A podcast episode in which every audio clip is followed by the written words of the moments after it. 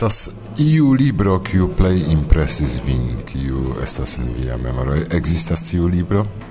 Kompreneble estas uh, plurai libroi mi nun momente ne povas diri nur unu libron, kiu vere impresis min au et changis min, char ankaŭ tio povas okazi. Fakte jes, unu mi rememoris. Tio estis libro kiun mi acetis kaj temis pri Berta von Suttner. Berta von Suttner, tio estas Praga naskito kaj la uh, unua ina portanto de Nobel premio pri paco, eh, pri kiu mi tute ne sciis, eĉ tiun nomon mi ne konis. Mi devas honti, sed estas vero. Kai poste kiam mi acetis tiun libron, tralegis gin, gi tiel absorbis min per la sorto de tiu virino, sia agado kai cio, ke mi comencis plu esplori kai serci informoin pri ŝi kai tio fine rezultis al tio ke mi mem verkis sufiĉe dikan libron pri Berta von Sutner en Esperanto por ke mi tiun mian entuziasmon povu ankaŭ transdoni al aliaj esperantistoj kiuj ne konas ŝin same kiel ne konis ŝin mi antaŭe. Eta tempo por reklamo de via eldonejo, kiujn novajn librojn eldonis vi laste por ke la esperantistoj orientiĝu kaj ne temas nur pri titoloj, temas ankaŭ pri eta priskribo kio estas en la libro. Do, se eta prescribo do mea menciis tion libron Sen laco por paco estas titolo de Berta von Suttner, en kiu mi prescribis vivon kai precipe la durkapan batalon por paco de tiu mirakla virino. Se tio estas kion mi verkis, et kompreneble mi eldonas libroin de multai aliai autoroi kai tradukantoj. Do se mi parolu pri la plej freshaj libroi, mi parolu pri tiuj, kiujn mi eldonis ciare. Versaine la plej interesa estas eh, amo, tuso kai forpaso, kio fakte estas eh, kolekto de noveloj kaj temas pri la verkoj de autoroj de ĉiuj kontinentoj en nia terglobo kaj estas finalistoj de interkultura konkurso kies temo estis Kovim. François Bolduc eh, estas la redaktoro kaj fakte li ankaŭ elpensis tiun konkurson. Tiu libro estas interesa precipe pro tio, ke kiam mi legis ĝin kaj komparis kiel tute alimaniere al pasis al tiu pandemio homoi en diversai landoi kai diversain mondopartoi che tio vere mirigis min. Eh, ne nur al la malsano mem, set ancau alla aferoi circa tiu malsano kai malpermesoi kotopo do tio estas vere unu de la libroi kiu in mi eh, tre volus eh, rekomendi al homoi. Eh, gi tiom ravis min ke mi tui petis la redaktoron François Bolduc ke li permesu ke mi ankau eldonu gin en la cecha do GST estis tradukita eh, tradukis gin Jindřich Košťálek kaj en la Čecha mi eldonis eh, kun ilustraĵoj de Mirka Tomečková male on en, Esperanto en kiel bel aspekta libro do giam estas ancau disponebla por cehai legantoi, kaj mi estas ege civola kiel la ceha legantaro reagos al tio. No, kiel la plej gravan uh, de tiu jaro mi povu dire la grandan ĉeĥan Esperantan vortaron, kiun faris Miroslav Malovec, sed li havis plurajn kunlaborantojn, ne nur el Ĉeĥio, ankaŭ bohemisto angla Richard Howard, por evite cechismoin, kiui ciam la gepatra lingvo povas influi la autoron de io ajn, ne? Do tio estas pritiu granda vortaro kaj eh, kiel trian libron mi prezentu eh, la honor libron honore al Eli Urbanova kiu apartenas certe al plei famai Esperanto poetinoj sed kiui tamen plei famigis pro sia autobiografia romano Hetairo Danzas kai mi supposas ke ciui kiui konas eh, sian verkon volonte ankau legos ion pri si Kai tio estis juste intenso de tiu honor libro, sed ne nur tio, tie estas compreneble enmetitai ankau shiai poemoi, kai malongai prozai verkoi Ĉu ekzistas en la paĝo ligilon al kiu vi trovos en priskribo loko, kie oni povas senpage ekzemple elŝuti ion pro tiuj, kiujn monon ne havas simple kaj ŝatas legi librojn? Do, uh, compreneble che existas, mi comencis jus en eh, la retejo de mia eldonejo sen pagain libroin Nun estas intenso, yes, se vi rigardos mian reteon, vi tie vidos nur fragmenton, sed la celo estas, ke tie estu tri specoj da libroj. La unua estas tiui libroi kiui existis en papera formo, kiui elcerpigis, sed certe ne havas valoron reeldoni ilin, do mi tia maniere volas presenti ilin alla homoi, ke ili povu elŝuti ilin. Eh, la eh, duai estas tiui kiui fakte oni povas diri ke kiam mi vidis la manuskripton mi diris al mi ili certe meritus eldonon sed uh, eh, mi ne plu uh, havis monon por tio ke bi faru mi diru reale au intense malprofiton, ĉar estas tre malgranda grupo por aceti ilin, do mi tui produktis ilin nur kiel bit libron, sciante che bit libroin oni apenau vendas en Esperantujo, do mi disponigas ilin senpage. Gis nun tiu estas neniu en Esperanto, mi jam havas en la ĉeĥa versio precipe pri Esperanto. Kai la tria grupo, verŝajne la plej interesa por la aŭskultantoj, estas la libroj, kiujn mi produktas samtempe en papera formo, ili estas tre gravaj kaj estas grave ke ilin povu uzadi ankaŭ la homoj kiuj estas ekonomie malfortaj do mi samtempe enmetas ilin ancau en la reton.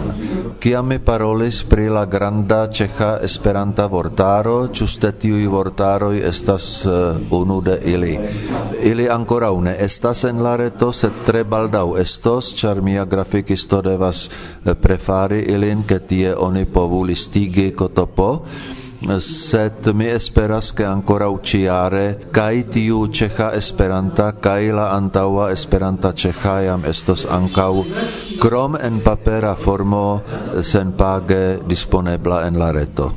De la alia flanko Esti eldonisto ne estas facile, ĉar eldonisto signifas multe da sindediĉo eĉ financa por subteni eldonon de iu libro mi proponis al vi unue, che vi presento libron kiun povas esti elŝuteblaj senpage, ĉar homoj ne havas monon, sed estas tiu kiu havas, ĉu ekzistas tiu projektoi en kiu vi ŝatus ricevi helpon, pri kiuj vi kutime ŝajne ne petas, ĉar mi trovas vin modesta homo tamen. Do, vi pravas, ke mi ne petas, mi neniam petis monon, uh, kaj mi estas tre malpraktika persono, kiu ne kapablas uzadi la fondusoin kaj similain aferoin, eh, sed tamen mi devas confessi che vere existas tiai homoi kiui bone comprenas che eldonadi libroin en Esperanto estas malprofita afero kai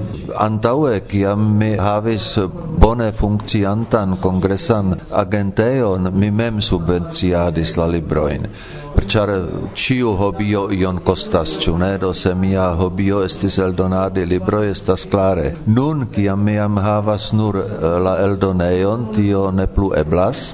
Do mi dependas eh, de ĝuste tiu speco da homoj, kai verŝajne mi estas feliĉulo kaj sufiĉis ekzemple eh, diri ke por tiu granda vortaro kiu certe estos malprofita mi ne plu havas monon, do ke ĝi aperos nur en elektronika formo. Eh, uh, tui aligis du, me diru, eh, uh, afabluloi, kiui proponis kiom da mono vi bezonas, kai danke al tiui du sponsoroi mi povis eldoni ancau la parperan formon. Same exemple mi eldonis eh, Manon Lesko, kio estas fakte dramo, dramo ne vendiĝas, set eh, ĝi estas tiel grava, che mi tamen eldonis gin, mi diris, che mi iam eldonos gin, set momente ne povas, do la iniciatinto Vlastimil Kočvara, kiu tre desiris, ke gi existu, subtenis mone kaj tiamaniere gi povis eh, aperi. Do mi compreneble estas tre tre ege dankema al ciui tiui homoi kiui subtenante la eldoneion fakte ege helpas ricigi nian kulturon, precipe literaturan kulturon. Ideo pri iu nova libro kiun vi shatus eldoni, char giuste mi sercis pretexton ke se iu auskultas nin eh, kaj Mm, rimarcos che estas iu proiecto in kiun valoras contribui. Do tiam eble eble eble. Do, do uh, eh, mal eh, malmodeste se vi tiel fakte demandas malmodeste mi diros ke mia revo estas ke mi eldonu la libron kiun mi jus mem verkas la titolo estas mia vivo kun Esperanto. Ĉar mi dum mia Esperanto vivo fakte agis en multaj Esperanto organizaĵoj kaj ankaŭ ne esperantaj kiuj uzis Esperanto ekzemple AISO kaj simile. Kaj mi travivis multajn travivajo in mediru exemple qui estis gajai set ancau quelcai qui estis instruai cetere se mi parolas pri instruai travivajo i multa in mi enmetis en mian verkon profesia uso de esperanto kaj giai specifai traitoi set multe pli minun verkas set eh, ĉu aperos aŭ ne tio dependas de eh, la Eh, mono, sed mi forte esperas che gi povos venont jare aperi.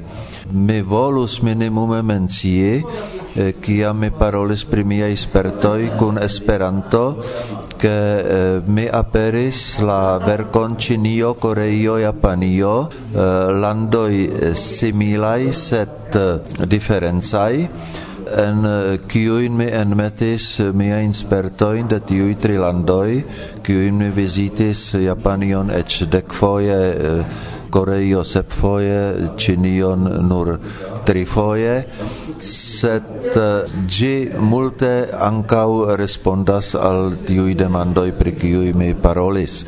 Krome mi havas intencon eldoni Eh, amuzan lernolibron pri matematiko. Manuskriptoj estas sed eh, valoraj manuskriptoj no? Sed kun mono. Domine plenda plendas sed kompreneble mono ne abundas mono ĉiam mankas Yes, eh, kompreneble vi audis tiun vortoin, mi ne petas, et se vi helpos ne mi, sed Esperantujo estos dankema, ĉar tiam aperos io nova kaj pli riĉigos nian kulturan movadon. Petro, ia mesaĝo de vi por la esperantistoj en la mondo, ĉu vi havas tion en koro? Kion vi ŝatus diri al homoj en la mondo, al la esperantistaro? Do, mi estas maljunulo, do tio signifas, ke eh, maljunuloj devus verŝi saĝecon, sed mi ne tiel alte taksas min, eh, mi havas de juneco mian propran sloganon kiu sonas Kio estas al irebla, tio ne logas min. Per preter pasho ni crescas. Mi ne sias, ciu estas eh, klare kion mi volas diri, eh, sed tion mi volas mesaĝi al la esperantistoj, Cer multaj esperantistoj diras, che Esperanto estas mortanta kaj ke ne plu valoras eh, fari ion por ĝi kotopo sed eh, tio ne estas vero. Mi credas ke Esperanto havas sian estontecon, sed tiu estonteco dependas de ni esperantistoj. Kaj ni ne atendu ke iu registaro au EU au iu ordonos ke oni lernu en uh, lernejoj Esperanton. Ne, ne. Ni esperantistoj devas fari ĉiu laŭ siaj ebloj do mi estas eldonisto, do mi strebas krom la ĉeĥaj eldonadi ankaŭ esperanto libroin Se iu estas kantisto kaj esperantisto, li kantu ankaŭ Esperante. Se iu estas desegnisto, faru ilustraĵojn en esperanto verkoin kaj tia maniere ni komune zorgu ke Esperanto vivu, vivu kaj floru. Koran dankon pro tiu ci bela mikrofona renkontiĝen provizora studio de Varsovia Vento en Prago. Vi audis bruon malanta uni, se tio estas simple esperantista evento. Dankon. Danko estas mia flanke.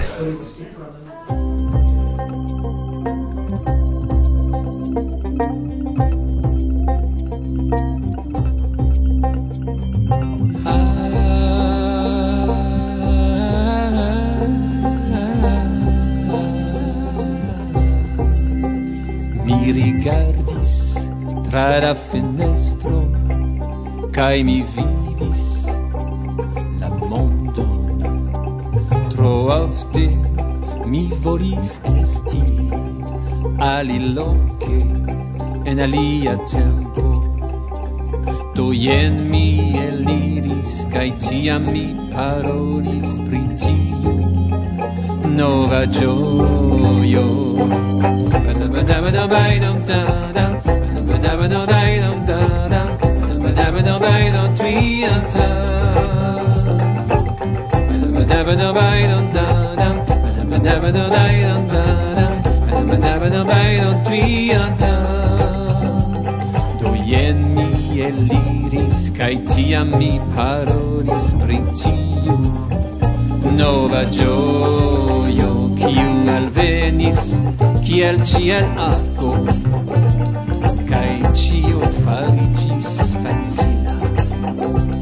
Escapi el la rutino al aliloca fora fastino. Cio ruligas, movigas, tiam disvastigas, nova gioio.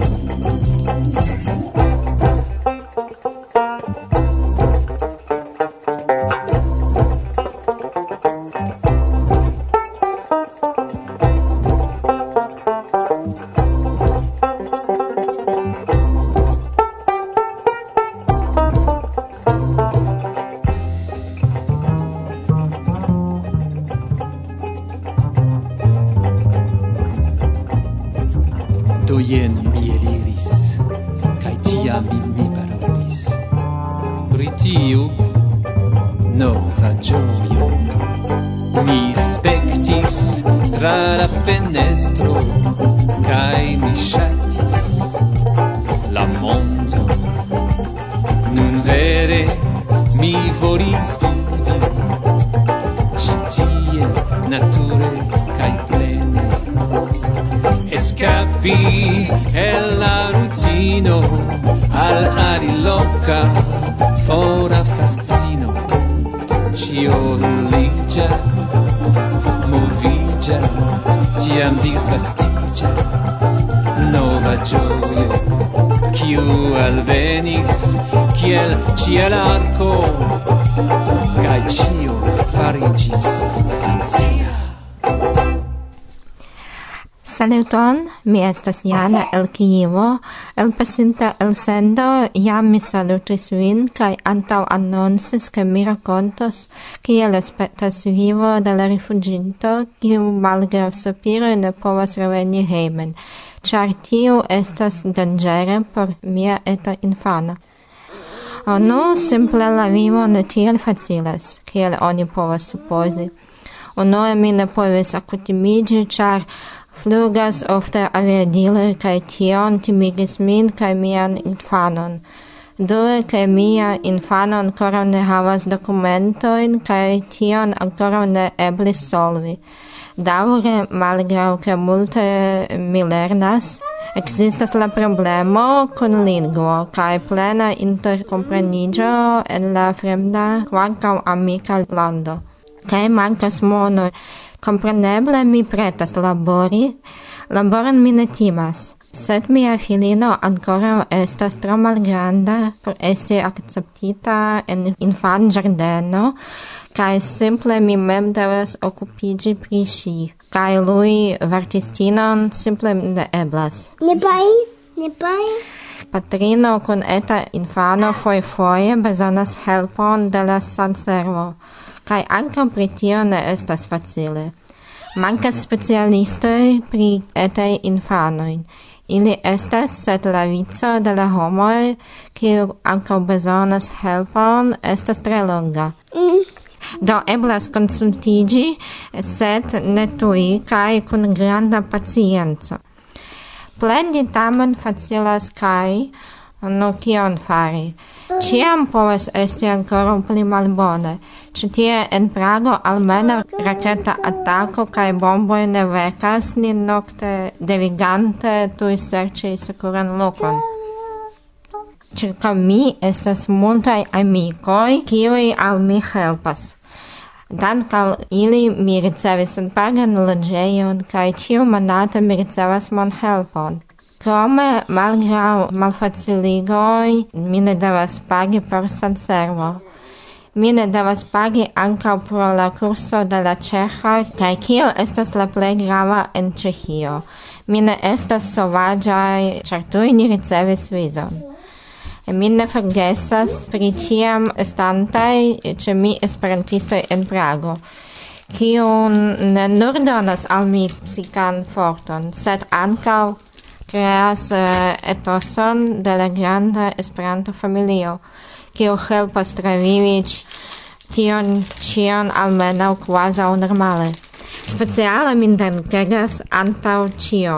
Alulasta, Peter, Olga, Radmila, Helenka kai Vladka. Kompreneble ne nur al ili, sed listigi cion bonain animoin kaj coroin kreos longan liston. Esperas mi, ke la milito finfine finiĝos kaj ĉio revenos en normalecon. Ke eblos al mi kaj al ĉiuj, kiuj havas similan situacion. Pensi pri la futuro kaj normale vivi mi ne ploros. Do, quancam ofte mi shatus, sed uh, vivo estas tia kia estas. Kai mi estas felice che ia mi interesigis ca lernis esperanton, char nun mi scias ca esperanton estas nur lingua. Dankon.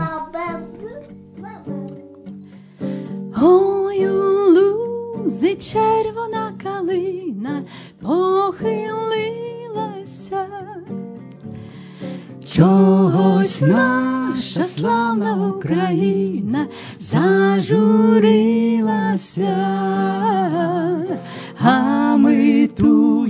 Червону каліну підіймемо, а ми нашу славну Україну гей, гей, розвеселимо, а ми тую червону каліну підіймемо, а ми нашу славну Україну, гей, гей, hej,